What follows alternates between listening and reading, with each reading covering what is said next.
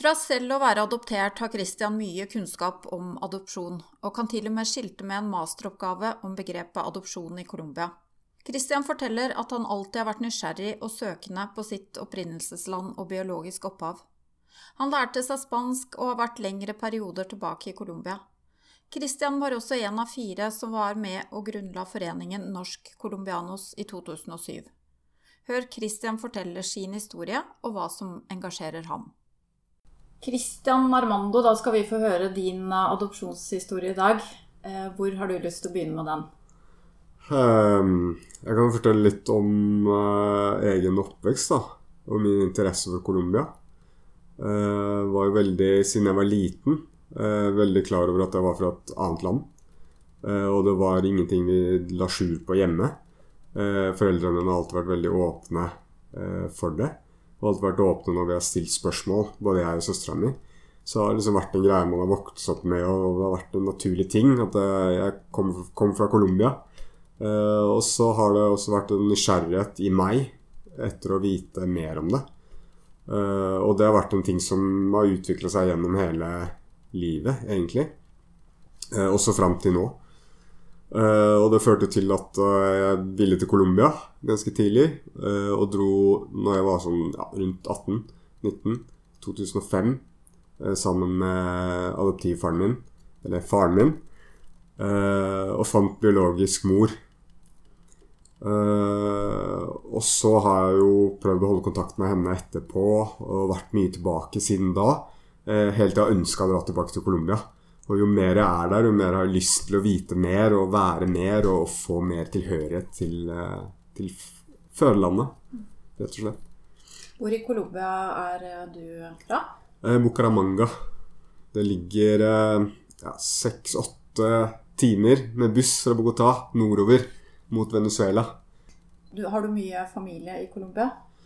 Um, jeg, har, jeg vet at jeg har tre brødre. Uh, og så har jeg um, tre nieser. Det vet jeg. Og så hadde jeg en bestefar som har gått bort. Jeg har en bestemor. Og så har jeg også en del tanter. Um, og da har jeg vel også noen fettere og kusiner, regner jeg med. Så det er litt familie, men jeg har jo ikke noe kjennskap til dem noe mer, fordi at jeg ikke har fått anledning til å bli kjent med resten av familien. Eh, du snakker jo spansk og lærte deg det som ungdom. Ja. ja.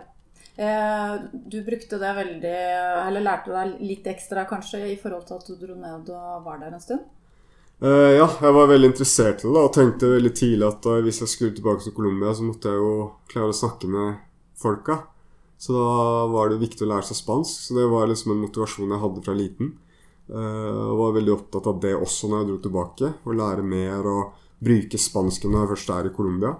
Um, og det har jeg også klart å utvikle mer og mer, da. Ettersom jeg har uh, eh, jobba frivillig der i et og et halvt år og hadde feltarbeid der i 2009. Uh, eh, og så vært opptatt av å bevare spansken her i Norge gjennom å lese bøker, uh, høre på musikk, um, bevare kontakt med andre spansktalende osv. Og, så og fremme det litt i den norsk-colombianske foreningen også. Eh, du reiste tilbake i 2009, og da skrev du en masteroppgave. Ja. Kan ikke du fortelle litt om den masteroppgaven? Ja. Um, 2009 så hadde jeg feltarbeid. Eh, jeg var jo der i 2005 første gang, men så dro jeg i 2009. Eh, motivasjonen for det var egentlig fordi at da hadde vi begynt med Norsk Kolonialens forening et par år tidligere. Og da hadde jeg hørt mange historier fra de adopterte. Eh, og ble veldig sånn eh, trigga på hva det egentlig var som lå bak alle de forskjellige historiene. Eh, og hva som gjorde at så mange ble adoptert fra Colombia. Så jeg ville, liksom, jeg ville tilbake og vite litt hva er det egentlig colombianerne mener om dette med internasjonal adopsjon. For én ting er jo hvordan vi oppfatter det her, og hvordan vi opplever det og blir fortalt hva adopsjonen er her i Norge. Men eh, det ville vært interessant å, interessant å høre hva de mener på den andre siden, da. Så det jeg fant ut av det, eh, var jo at adopsjonen egentlig var mye mer kompleks enn det man skulle tro. Her i Norge så blir adopsjonen kanskje veldig glorifisert. Man har en litt sånn forenkla tanke om at eh, det handler om et barn og to foreldre, og så fort de møtes, så blir alt bra. Uh, men det er veldig, Og så er det veldig få ideer om hvem den biologiske mora eller familien er, og hva som er årsakene bak det at noen velger å gi fra seg et barn. Uh, så det Et av aspektene var jo også liksom det, det emosjonelle, kanskje. Uh, hvor jeg opplevde at her er det veldig fokus på det positive og glede og håp og, og kjærlighet. Mens i Colombia handler det også like mye om separasjon om, om, om, eh, det å ta et vanskelig valg, det om å møte fordommer, eh, det å eh, måtte fjerne seg fra venner, familie, minner um, osv. Det handla like mye om det i Colombia som liksom det positive som er i Norge. I tillegg så, så, så jeg at det også hadde mye å gjøre med f.eks Uh, ja, kulturelle, sosiale, økonomiske forhold i Colombia. Eh, som danner liksom rammen for hvilke valg enkeltpersoner gjør. Som f.eks. biologisk familie, unge voksne, unge voksne, menn og kvinner som får barn som kanskje ikke er planlagt, eh, og som ikke klarer å ta vare på barna av forskjellige årsaker. Ofte så kan man kanskje legge skylden på enkeltindividet og tenke at oi, det, det, det var den biologiske mora sin skyld, eller det var de foreldrene sin skyld men ofte så, så, tenker jeg at det kan ha like mye å gjøre med hvilke muligheter man har da, som en ung mor eller ung far i Colombia. Eh, et eksempel kan være f.eks. Uh, som ung mann. Du får deg en dame, uh, og dere får barn uten at det er planlagt. Uh, og muligheten du har da til å klare å forsørge den familien. Hvis det hadde ligget en økonomisk sikkerhet der i en jobb hvor du føler at du bidrar med, med verdier inn i familien og kan være med på å bygge en familie, eh, og kan legge framtidsplaner og se at de blir realisert, så gir det også mer verdi til deg, og, og, og, da kan det bidra til at du er med på å styrke familien din. Men hvis ikke de mulighetene ligger der, da er det også lettere å ty til f.eks. enklere løsninger som har med å kanskje ty til vold, være frustrert, eh, neglisjere barna dine, eh, gå fra partneren din, Eh, og heller velge andre, lettere løsninger, da, eller ty til misbruk osv. Som er de faktorene som gjør at barnevernet i Colombia går inn og henter barna. Eh, og det er på en måte, det er jo sosiale årsaker, økonomiske årsaker, som har med sam samfunnet å gjøre. Da. Hvilke muligheter myndighetene kan man si, gir til befolkningen. Eh, og så kan det også ha med verdier å gjøre. Hvordan man overfører verdier fra generasjon til generasjon. I form av at eh, mange av de unge eh, foreldrene som jeg møtte der, biologiske familiene, eh, som hadde barna i barnevernet på barnehjem, de kan også kanskje ha kommet fra ustabile familier. Og kanskje ikke har noen ordentlige idealer da, eller eksempler i sine foreldre. Som heller ikke har de samme mulighetene, økonomiske mulighetene, sosiale mulighetene, som de, disse også mangler. Eh, og da er det vanskelig å klare å, å, overføre gode verdier om å ta vare på barna, beskytte deres rettigheter osv. Og, eh, og det er også ting som bidrar til at man kanskje velger å stikke av. Og så, så, jeg mye i forhold til eh, enslige mødre. For eksempel, et av eksemplene kan være at, at en mor blir tvunget til å velge å adoptere bort barnet sitt for å kunne f.eks. ta en utdannelse og legge et grunnlag for en framtid. Og da tenker jeg at skal det være så, så vanskelig uh, Hvis vi ser i Norge, så er det jo på en måte Her er det jo lagt opp til at man kan ha barn, og man kan studere, man kan jobbe, og man får støtte utenifra for å kunne bygge opp en familie. Men uh, det er jo faktorer som mangler i enkelte tilfeller i Colombia. da. Sånn at det jeg endte med å se på, var at adopsjon kanskje til syvende og sist egentlig er mer en sånn praktisk løsning på å få mange barn til Å gi mange barn muligheter, men i et annet land. Istedenfor å gjøre noe med de store sosiale, økonomiske eh, faktorene, da, strukturene i samfunnet, som, gjør, som, kunne ha gitt flere mennesker flere muligheter.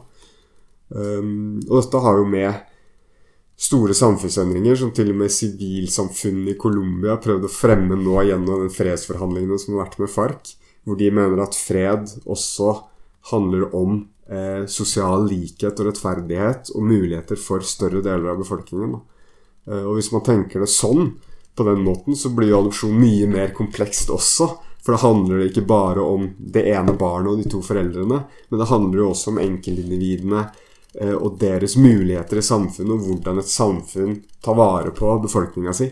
Og hvordan de velger å ta vare på befolkninga si. Eh, og sånn at eh, Det jeg satt igjen med, var nettopp det at adopsjon er så mye mer kompleks da, og kan forklares forskjellige, med forskjellige dimensjoner som kanskje er mye større enn det man sitter her i Norge og tenker. Uh, og det beror jo også på at man kanskje ikke har, den, har kunnskap heller. Eller den kunnskapen om hvilket samfunn man kommer fra, eller barna kommer fra, ikke når Norge på samme måte. da.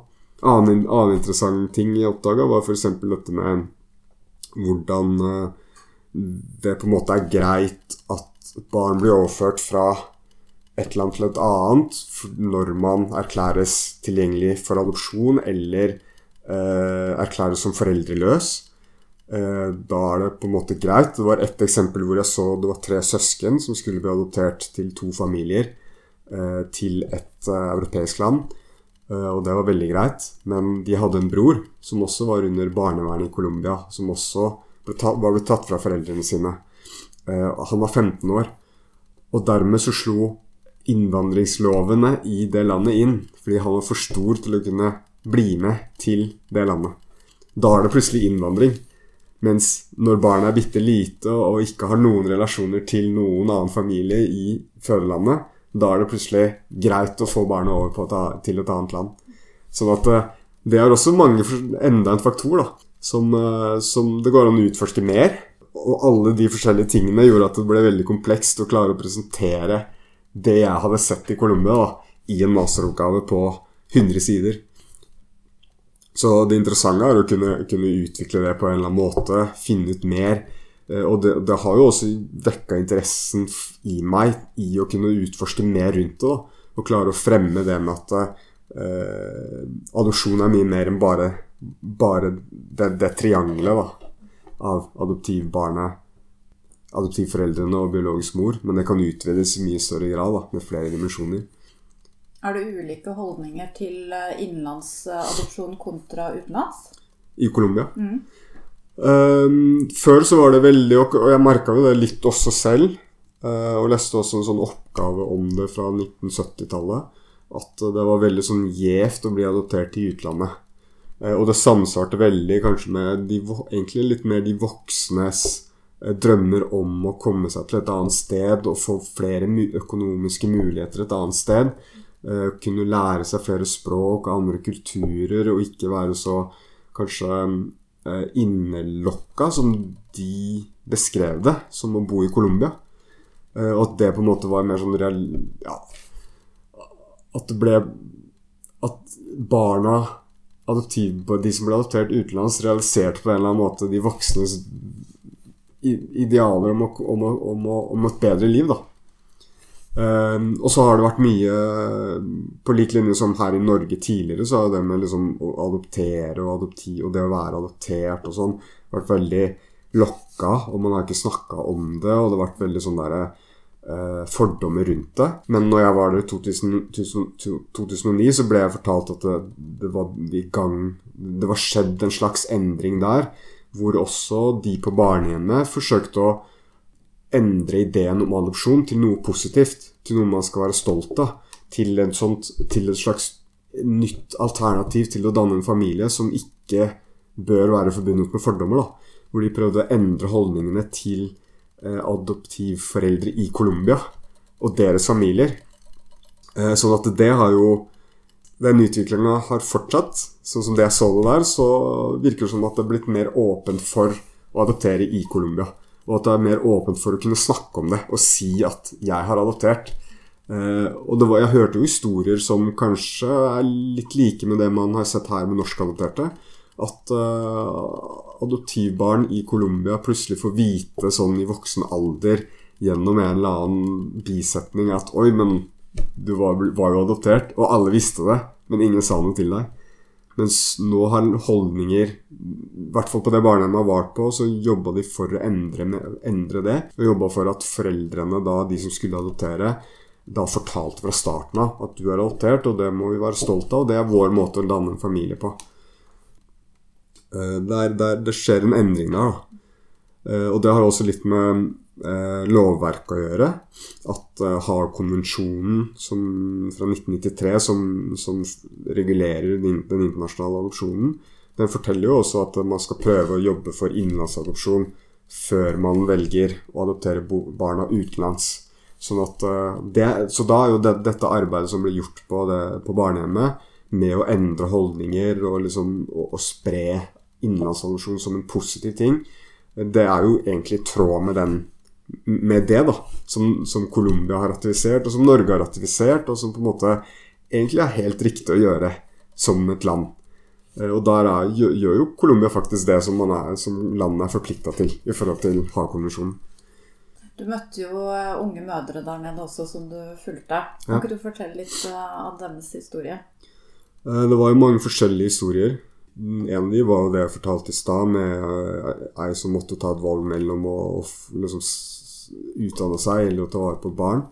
Eh, det var jo andre som også hadde opplevd eh, voldtekt, eller hadde opplevd at de ikke Eller hadde inngått relasjoner med noen, og så var det ikke planlagt å bli gravid. Eh, men mye av det handla også om fordommene. da, At de ikke turte å komme til familien og fortelle at de var blitt gravide. Var redde for reaksjonene der. Mange hadde kanskje også eh, fått, uh, fått flere barn tidligere og var redd for å komme med enda et barn da, som kanskje ville blitt en belastning for økonomien til familien. Eh, men dette hadde jo også med f.eks. Det, det der litt mønsteret som jeg snakka om i stad. At f.eks. For, for, deres partnere, da, eh, fedrene til de barna, eh, siden de ikke hadde noe trygg, trygg liksom, stabil framtidsutsikt, så er det lettere å bare forlate eh, mødrene, eller forlate damene. Eh, og da blir du jo stående med forsørgerrollen alene. Og så var det i tillegg en del sånne fordommer, eller ikke fordommer, men tanker om at en som kvinne, alene, alenekvinne, ikke ville klare å liksom uh, ha jobb, skaffe midler nok, men at du hele tida er avhengig av en mann for å, for å liksom skape deg en framtid. Sånn at mange av de damene Eh, mye av det de fortalte meg, var jo liksom det at da, da, er man veldig opptatt av å finne en ny partner. Og så er man opptatt av kanskje å få et barn med den partneren for at han da skal bli værende. For da tenker man at hvis du får et barn med han, så vil han bli værende. Men så tenker han at nei, da vil jeg ikke Jeg vil ikke ta vare på dine tidligere barn, for de hører til en annen. Uh, så der har jo også vært, vært eksempler hvor enslige mødre har måttet velge mellom å bli med han den nye mannen, eller og, og, dermed overlevere de tidligere barna til adopsjon, eller, eller, eller, miste han. Og da blir du stående og tenke at nei, men som kvinne, da, at nei, da, da, får jeg ikke Da kan jeg ikke finne egen jobb, eller da, da, da er jeg mer sårbar, da. Sånn at det har jo mye med liksom, de forskjellige mønstrene å gjøre, og ja, hvilke, hvilke, ideer man har om, om hvilke muligheter enslige mødre har da, i samfunnet. I den eh, masteroppgaven så var jo noe av greia også å undersøke holdningene til de forskjellige instansene, eller punktene, da, som du, du var, var det stor forskjell? Um, blant de ansatte så var det veldig Så var det veldig sånn Da var det på en måte faktisk litt sånn glorifisering også. Og særlig litt tanke med at eh, det blir så bra når du blir adoptert ut til Europa eller Amerika, da. Eh, og det tror jeg er veldig sånn basert på kanskje mangel på kunnskap. Eh, og på den tida, 2009, så tror jeg ikke det var eller der, Da ble jeg fortalt at det, det skjedde ikke noe sånn der kommunikasjon hvor det var delegasjoner som dro til, Norge f.eks. For, for å liksom finne ut hvordan det gikk med barna, da, sånn som jeg har skjønt har skjedd tidligere. Uh, sånn at det var veldig sånn basert på mangel på kunnskap, fant jeg ut. Um, blant de biologiske familiene så var det kanskje naturlig nok uh, ICBF, liksom barnevernet i Colombia, var veldig, veldig sånn framstilt som den store, stygge ulven som kom og tok barna dine. Uh, og som på en måte var veldig strenge og lite samarbeidsvilje.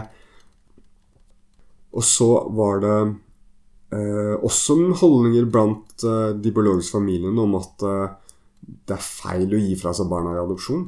At da er du mislykka som forelder hvis du gir fra deg barna dine i adopsjon. Hvis en enslig mor gir fra seg barnet sitt, så betyr det at hun ikke er sterk nok til å ta det ansvaret det er å sette noen til, til verden. Så mange av de, de, holdningene var det også mye av blant de biologiske familiene. da.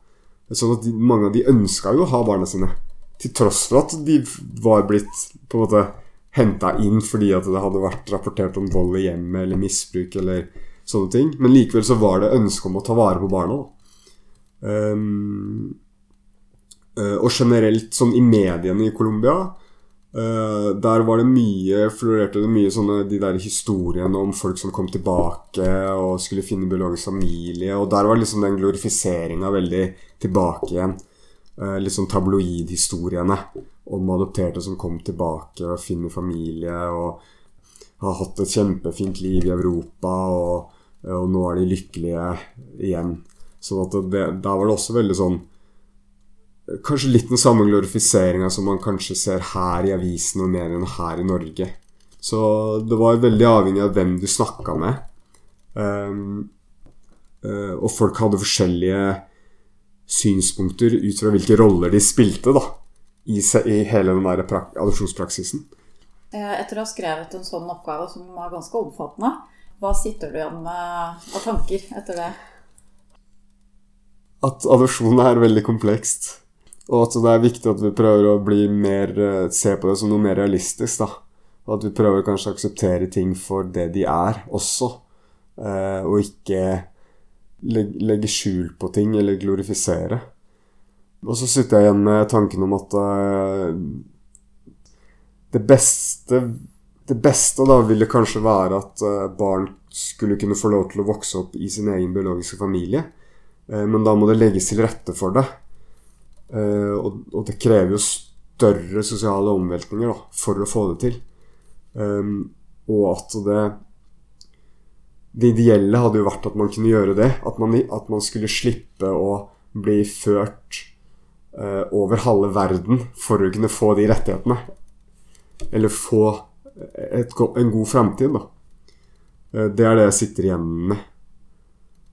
Men eh, adopsjon som begrep, hvis det først må adopteres bort, hva er din holdning til at det adopteres innenlands i forhold til utenlands?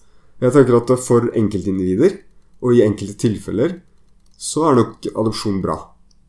Men hvis man ser på det i mer sånn større sammenheng, så er det grunn til å kunne analysere mer og, liksom, og, og kanskje være mer kritisk. Da. Men for enkeltindividene så så jeg jo også at det var jo opplagt bra at, at man blir adoptert for å få et bedre liv. Men så syns jeg også det er positivt at det skjer endringer i Colombia, at det er flere som adopterer i Colombia. Og, det vitner jo om et mer sånn mindre konservativt samfunn, og mer åpnere samfunn også i Colombia. Så er, jeg, jeg syns det er positivt. Og så lenge det også er i, i tråd med konvensjoner og, og, det man har på en måte vært med å ratifisere, så er jo det en positiv endring, syns jeg. da spurte om det fordi når jeg var og hentet vår lille jente, ja. så kjente jeg plutselig på det når jeg var der nede. For jeg fikk sånn ekkel følelse av at jeg skal ta med disse her barna ut av det her landet. Mens jeg opplevde jo den glorifiseringa som du også sier, at colombianerne syns jo denne jenta var kjempeheldig. Ja. Mens jeg satt med dårlig samvittighet. ja, det er jo det, det, det, det var veldig Jeg merka det blant de som liksom styrte, at, at det var veldig fint å, å, dra ut. Men samtidig så var det jo Hver gang vi har snakka med mange om adopsjon, så var det jo endte vi nesten til slutt å snakke om politikk og de sosiale liksom, manglene i Colombia. Så mm, ja, det, det, er jo forskjellige opplevelser rundt det. De eh, tingene du undersøkte der nede, tror du du kommer til å følge opp uh, saken? Og gjøre videre arbeid med det? Jeg skulle ønske det. Jeg har hatt veldig lyst til det. Veldig lyst til å være med og bidra til noe sånn mer konkret. Enten bidra til å sette i gang med noe sosialt prosjekt, eller eh, som på en måte kan styrke familiene i Colombia. I, I de tilfellene der det er mulig at barna kan bli det er liksom det jeg har sittet og tenkt på i lang tid. Men så har det jo skjedd andre ting underveis også, som, eh, som jeg har jobba med og vært engasjert i her i Norge. Så da, men, men en sånn, sånn framtidsplan er jo litt det å prøve å få til noe i Colombia. Eh, under eh, barnevernet i Colombia, eller for deg selv? Eventuelt uh, i samarbeid uh, med, med, barnevernet. Eller at man setter i gang et eget type prosjekt som kan være nærliggende, kanskje. Du har jo vært veldig aktiv i Norge også, ja. og var med i oppstarten av Norsk Colombianos. Ja. Kan ikke du fortelle litt fra den starten, og hva dere gjør? Det var i 2007, hvor det, det var fire stykk som samla oss. Det er meg, og så var det Angelica Bråten, Simon Blystad og Diana Finnbo. Satte oss ned og fant ut at vi måtte lage en forening for adopterte fra Colombia. Fordi det var ikke noen arenaer da, på den tiden, som kunne ta, på en måte, ta imot oss, da, ungdommene som hadde vokst opp og var på en måte slags første generasjon av adopterte fra Colombia. Det fantes en Colombia-klubb, men det var veldig lite aktivitet når man først var blitt ungdom. Um, sånn at vi fant ut at uh, ja, vi må skape noe. Uh, og siden 2007 så, så, har vi jo bygd opp det veldig. Um, og skap, klart å skape et stort, vil jeg si, da, et ganske bredt og stort nettverk av adopterte fra Colombia og Norge. Hvor vi også har hatt kontakt med gruppe adopterte i Danmark og Sverige. Eh, hvor vi også har klart nå sitter med fem lokalgrupper i Norge større og mindre lokalgrupper i Norge eh, for adopterte. Sånn at det ikke bare er konsentrert i Oslo og Østlandet, men at det også er på en måte eh, aktiviteter som skjer for adopterte fra Colombia andre steder i landet òg. Eh, så jeg tror at vi har klart å få til mye. Eh, vi har klart å bli den kanskje mest stabile og lengstlevende foreningen av utenlandsadopterte i Norge nå. Eh, de vi hadde som liksom ideal, var jo de koreansk-adopterte, som hadde var ganske organisert allerede på den tida, 2007. Og så har vi også ønska å prøve å motivere andre grupper, da, adopterte fra andre land, til å lage sine grupper og være med å danne nettverk. Eh, vi har også klart å bli her i Oslo eh, litt sånn referansepunkt for, for andre aktører når det gjelder adopterte fra Colombia eller personer fra Colombia. Vi fikk jo mye oppmerksomhet rundt f.eks. utdelingen av Nobels fredspris. Og har fått mye også nå i etterkant. da. Radio Latin-Amerika som samarbeider med oss, osv. Og vi har klart å gjennomføre en del temakvelder. Feirer Colombias nasjonaldag. Eh, og det er jo en del av formålene våre å være en stemme for de adopterte fra Colombia. Eh, men også være med å liksom videreføre både norsk og colombiansk tradisjon for medlemmene våre. Eh, og det har også vært et viktig punkt for oss å klare å, å, å, å få fram at det, det, er ikke én måte å være adoptert på. Det er mange forskjellige måter. Det er mange forskjellige erfaringer, og folk sitter med forskjellige opplevelser. Da. Eh, det er derfor vi også valgte å kalle oss norsk-colombianere, eller Norsk-colombianernes forening, fordi da spenner vi om alle de forskjellige opplevelsene av det å være adoptert. Fra de som føler seg veldig vel her i Norge, til de som kanskje står på andre siden av skalaen og er veldig på den med å dra tilbake og finne colombiansk identitet, til de som kanskje bare syns det er kult å henge med andre som er adoptert fra Colombia, og, og, å være sosiale. Sånn at uh, jeg er veldig stolt av det vi har klart å få til. Og så har vi jo hatt uh, og, jeg sitter ikke lenger i styret nå, men jeg er veldig Eh, ønsker veldig å støtte opp om de nye, nye ledere og nestledere og, og, det styret som er nå, sånn at eh, NCF kan fortsette å utvikle seg som forening. Da, og være et sånn referansepunkt for de adopterte fra Colombia, og kanskje andre utenlandsadopterte. Er det en ny generasjon på vei inn i foreningen nå? Eh, jeg kan jo si at det er jo mange som har vært med oss hele tiden, så jeg tenker at det er andre personer da, som kanskje har nye perspektiv på ting og nye ideer på hvordan man kan utvikle foreningen prøver å få med oss eh, Eller det har vært en idé om å få med seg de som vokser opp nå. Eh, de som har kommet etter oss. Eh, og det tror jeg kan være viktig, fordi at vi hadde jo ingen skal vi si, idealer da når vi vokste opp. Det var ingen vi kunne se opp til som var adoptert, som vi kunne sammenligne oss med. Men vi har jo en sjanse nå til å kunne være eksempler for de som ble adoptert etter oss, og som nå vokser opp. da. Og så tror jeg det kan være viktig for foreningen også å få med seg de nye ungdommene hvis vi ønsker at foreningen skal utvikle seg og fortsette videre og ha kontinuitet. Så jeg håper at eh, styret framover tenker litt på det også, hvordan man kan inkludere ungdommene. Hvor mange medlemmer er dere? Eh, vi har jo et ganske stort nettverk. Vi har vært innom kanskje sikkert et par hundre mennesker i løpet av den tida vi har holdt på. Eh, når det gjelder betalende medlemmer, så har vi ligget sånn rundt under 100 personer. Eh, mer eller mindre. Og da kan jo alle være medlem. Eh, både de som er adoptert fra Colombia, men også familier som ønsker, familiemedlemmer og venner og alle andre som ønsker å støtte opp om arbeidet. da. Eh, ved å betale medlemskontingenten så støtter man jo de. sånn at og det gir jo på en måte en økonomi til foreninga, så vi kan gjennomføre aktivitetene våre og gjøre det vi har lyst til å gjøre. Jeg tenkte på foreningen. Du, du sier det har temakvelder. Hva kan en sånn temakveld eh, gå ut på? Eh, det har vært eh, det vi har vært gjennom. Vi har jo f.eks. hatt presentasjoner av, fra medlemmer som har vært i Colombia. Som har funnet biologisk familie, eller bare vært på tilbakereise. Vi hadde en sånn temakveld hvor vi diskuterte, og hvor vi inviterte folk som hadde forskjellige tanker rundt det.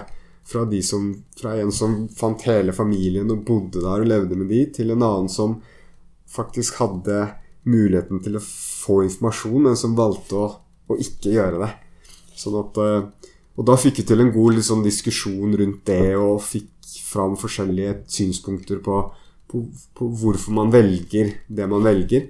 Eh, vi har også hatt temakveld om eh, det med Etter at man har funnet biologisk familie, og hva man gjør når det oppstår spørsmål om, om, om, penger, om å låne penger eller støtte familien, biologisk familie, og hvilke dilemmaer man kan komme opp i der, og hvilke situasjoner man kan komme opp i, og hvilke strategier man da har valgt for å liksom løse de problemene. Ofte, ofte er jo det en kilde til konflikt, um, som er basert på både kanskje forestillinger om hvordan vi har det her, og hvordan de har det der og, og hvordan en, en, et familiemedlem bidrar i en colombiansk familie. Da.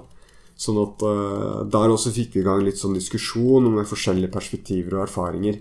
Uh, og så har vi hatt uh, foredrag om, om Colombia, situasjonen i Colombia. Vi har også hatt dratt med film fra sør. Dratt, når det har vært en film fra sør i Oslo, festival. Sett på colombiansk film osv. Så, så det er liksom, tanken har vært å ta opp sånn forskjellige temaer som har med adopsjon, identitet å gjøre, biologisk familie ting, ting, som opptar de adopterte. da. Eh, du har jo vært opptatt av colombianske tradisjoner selv. Hva slags tradisjoner og ting er det du tenker er spesielt colombiansk? Um, for meg så er det jo kanskje maten som er veldig sånn Det er veldig Colombia. Uh, sma smaken, da. Jeg tror at man må bli litt vant til den colombianske maten for å like det. Uh, så er det gjerne ofte julefeiringa jeg tenker på det. Uh, ha en sånn der, Det heter pesevri, som er en julekrybbe. Som gjerne står sammen med juletreet. eller som på en måte er en av de to tinga man skal ha i hus. Det, og så har jeg vært veldig opptatt av å spre f.eks. merkedager i Colombia. Har jo, eller Hver måned er nesten dedikert til til forskjellige. Mai, juni, juli er jo dedikert til barna, til mødrene, til, til mødre og til fedre. August er jo eh, dragenes måned, hvor man går ut i parken og flyr drager.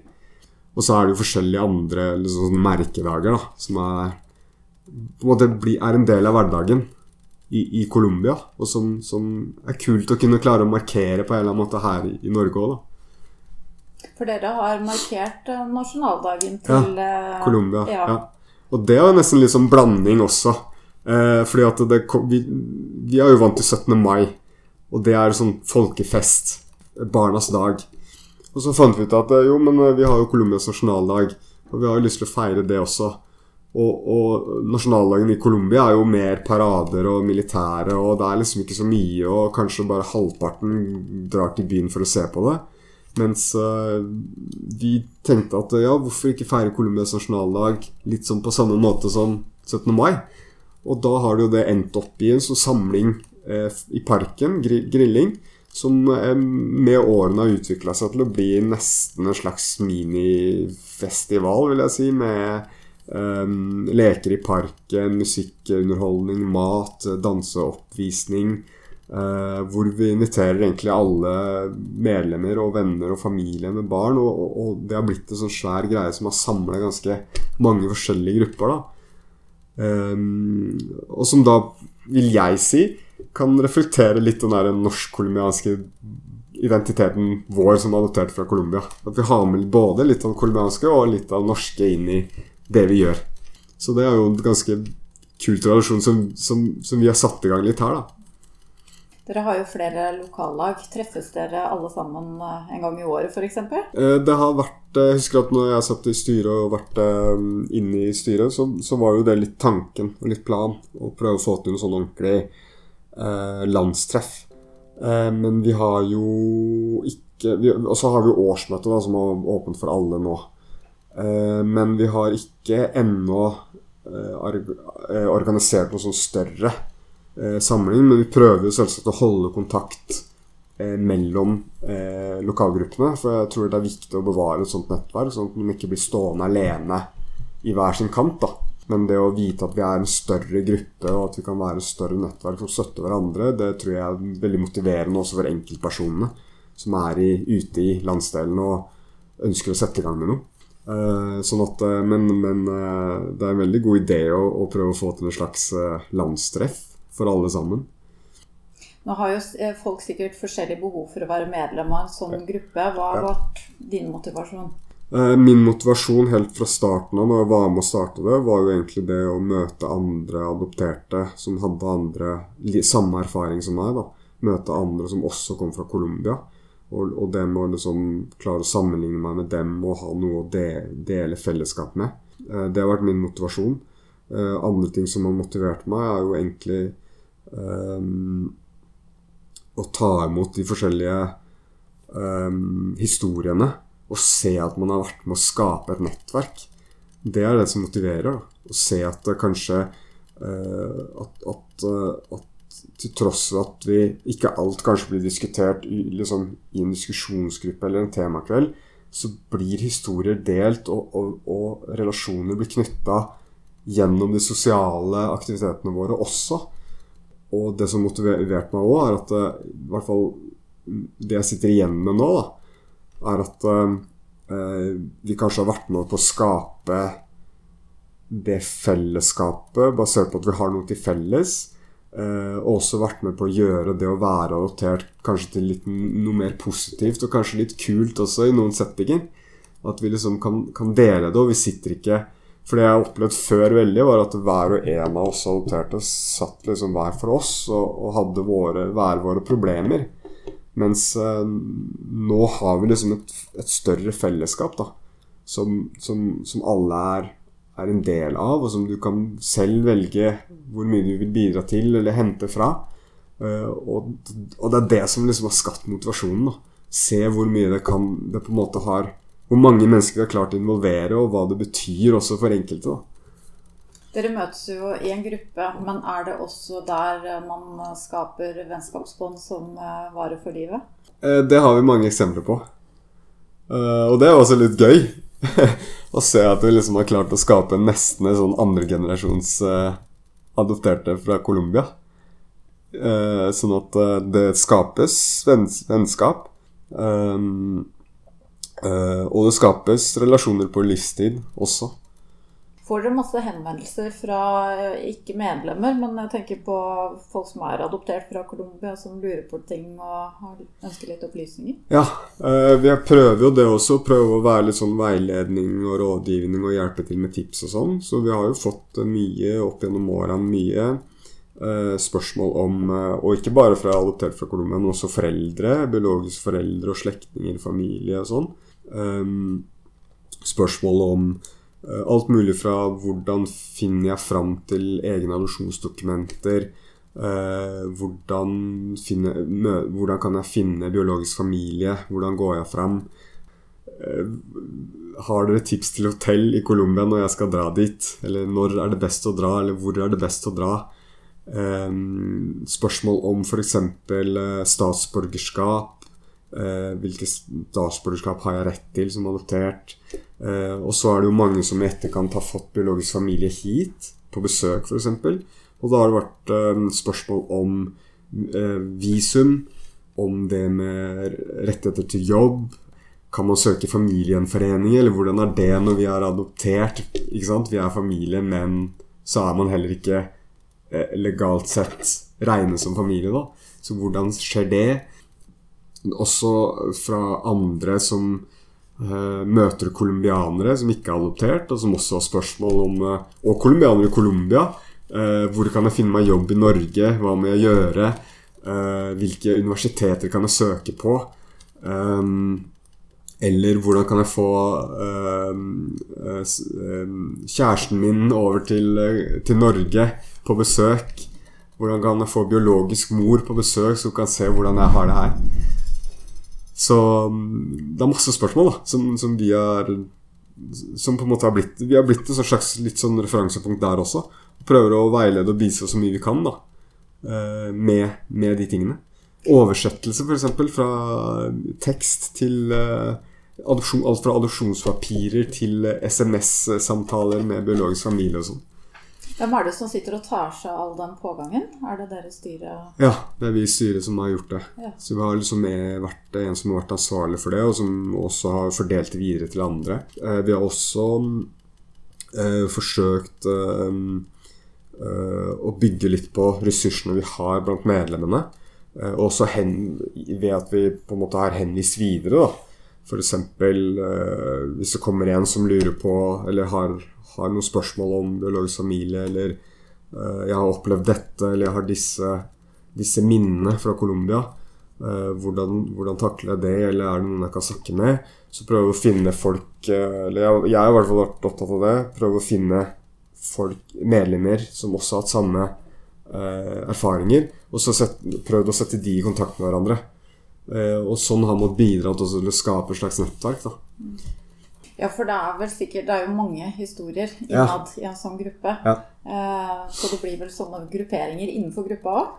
Eh, ja, det er jo liksom Det er jo mange forskjellige som har interesser utover det å være adoptert, da. Og som, som møtes også på de tingene. Og så er det jo, kan man jo se f.eks. Hvem som kommer på hvilke arrangementer. Og det har jo med hvilke interesser man har også, og hva man liksom forventer av å møte andre adopterte. Eh, noen syns det er kult med bare de sosiale tingene, mens andre ønsker å ha en diskusjonskveld og ta opp temaer. Og da kan man jo se hvem Da ser man jo også hvem som kommer til hvilke aktiviteter. Um, og det ja, det er jo Jeg syns det er bra at man kan klare å tilby de forskjellige ting, da, de forskjellige folk og at vi har forskjellige meninger innad i foreninga. Nå nesten elleve år etter at du startet opp, så har jeg skjønt at det var vel verdt det. Eh, hva er det du sitter igjen med som du husker best fra de elleve åra? Oh. um, det jeg sitter igjen med, er at det har vært, eh, det har vært mye jobb. Eh, det har vært Eller det har jo vært mye som har motivert til å, til å stå på. Men uh, det er mye jobb som man skal få til å skape noe. Å skape en forening. Da. Å skape et nettverk. Det er mange små, store ting du skal liksom ha oversikt over og, ha, og være med på og være involvert i da, for å holde ting rundt. Sånn at uh, um, Men jeg tenker at det, det, det, har vært verdt det, ja. Og det er, det er gøy å se at man har klart å skape noe og klart å engasjere så mange mennesker. Så jeg har lyst til å prøve å liksom støtte styret framover, og støtte foreninga framover også. Du har jo vært eh, spesielt eh, opptatt av Colombia. Har du alltid hatt den fra du var liten av? Den her eh, følelsen av å være colombianer i siden av norsk? uh, ja, egentlig. Det var liksom, det starta først som liten at man var veldig så interessert i hva, man, hva de gjorde i andre land. Veldig opptatt av det. da. Og så til å liksom finne ut Ja, hvis jeg er fra Colombia, hva er egentlig det? Uh, og var opptatt av liksom å prøve å lese om det, og så fort det liksom Det var ikke så mye Wikipedia kanskje på den tida, men eh, det man hadde av leksikon og andre ting, da. Prøve å Jeg vet ikke hva som gjorde skapte nysgjerrigheten, men det var liksom det med å, å, å, vite, å vite, da, hva er det det egentlig kommer fra. Jeg vet ikke om det hadde litt med at jeg var bare seks måneder da jeg kom, eh, så jeg hadde jo ikke ingen minner. Eh, og alt jeg hadde å basere meg på, var de opplevelsene foreldra mine hadde når de henta meg i Colombia. Men så da, kanskje det er det, at jeg liksom bare Siden jeg ikke hadde noe konkret, så, så, så, så hadde jeg en sånn, sånn, Jeg vet ikke en trang etter å, vite hva det egentlig var, da. Og så er det jo nesten Jeg tror det ble litt sånn da jeg var ungdom òg, at jeg tenkte at enten så må jeg liksom bare legge det fra meg Eller jeg måtte liksom velge litt hvilken betydning jeg skulle gi det. Og så valgte jeg at Eller kom fram til at Colombia betydde noe for meg. Og da førte det til at uh, hele tida har hatt en sånn søken etter å dra tilbake og finne ut mer og vite mer. Og så har det jo bare endt med at jo mer jeg drar dit, jo mer jeg får vite, jo mer vil jeg også vite, da. Det var liksom ikke nok med den ene gangen i 2005. Allerede året etter så hadde jeg bestilt ny billett og skulle tilbake igjen. Året etter der dro jeg vel også tilbake igjen. Sånn at um, det har liksom ikke stoppa, på en måte. Det, føler du deg colombianer når du er der? Uh, ja, jeg føler meg det. Og, og, strever veldig etter å liksom være en del av colombianerne. da, Og prøve å være, gjøre, være normal der. Jeg har liksom ikke vært opptatt av å, å se så mange store turistattraksjoner, men heller være opptatt av å bare gå på gata og kjøpe mat i butikken som alle de andre, og ta bussen som alle de andre. og Uh, og, og, og, og, veldig opptatt av å finne min normalitet der, da. Det sikkert, høres sikkert veldig rart ut, men uh, ja, veld, veldig opptatt av det å sammenligne meg med folk i Colombia. Hva sier du om deg selv, da, hvis du skal presentere deg? Sier du norsk colombianer? Uh, jeg tror det har veldig med, sam med sammenheng å gjøre, situasjonen. Jeg, jeg, tror at til slutt så jeg føler meg veldig colombiansk nå. Uh, men så har jeg liksom ja, Så var jeg gjennom en sånn veldig sånn periode hvor jeg var veldig sånn uh, eh, Fornekta veldig at jeg var adoptert fra Colombia og var vokst opp her. da uh, Men nå har jeg kanskje fått litt mer sånn fred med meg selv i forhold til det. At ok, ja, jeg har blitt adoptert, og jeg har hatt en oppvekst her, og jeg kjenner til det norske her, og sånn, da. Så um, det jeg ofte sier, er at jeg er født i Colombia. Det sier jeg. For da unngår jeg litt de der spørsmåla om eh, liksom, ja, hvor lenge har du vært her, når kom du hit? Og da gir det liksom grobunn for, no, for, at de andre da skal si å ja, men da er du kanskje ikke så colombianer likevel, eller da er du kanskje ikke så norsk likevel, eller eh, Sånn at ved å si at jeg er født i Colombia, så er det på en måte ok, ja, da kan man ikke si verken det ene eller det andre. Eh, så det er liksom blitt det derre fasitsvaret jeg har kommet fram til da, etter etter at året har gått, egentlig. For det har også vært en sånn veldig sånn Plaga meg mye det med at den andre hele tida skal definere hvem du er, da. Og du kan ikke si Du får liksom ikke selv sjansen til å definere deg selv før den andre liksom Nei, men du er ikke colombianer nok, eller du er ikke norsk nok, eller Ja. Eh, for fremtiden, eh, hvor tenker du at eh, Colombia-reisen din tar deg videre? jeg kunne ønske, ønske jeg, drømmer meg, jeg, drømmer litt om å ha et eget hus der. Uh, og kunne kanskje bruke mer av tida i, i løpet av året i Colombia. Det er liksom det mest konkrete drømmene jeg har. Og så er det jo masse ambisjoner om liksom det ene og det andre, og sånn, men uh, i uh, hvert fall det, da. I hvert fall å kunne ha ett fast sted å dra til. Ikke liksom være avhengig av hotell eller bo hos noen, men ha liksom en adresse som man kan bo, dra til og være over lengre tid, da, som er midt i Colombia. Da vil jeg bare si tusen takk for din historie, Kristian. Bare hyggelig. Takk for at jeg fikk eh, komme og dele det.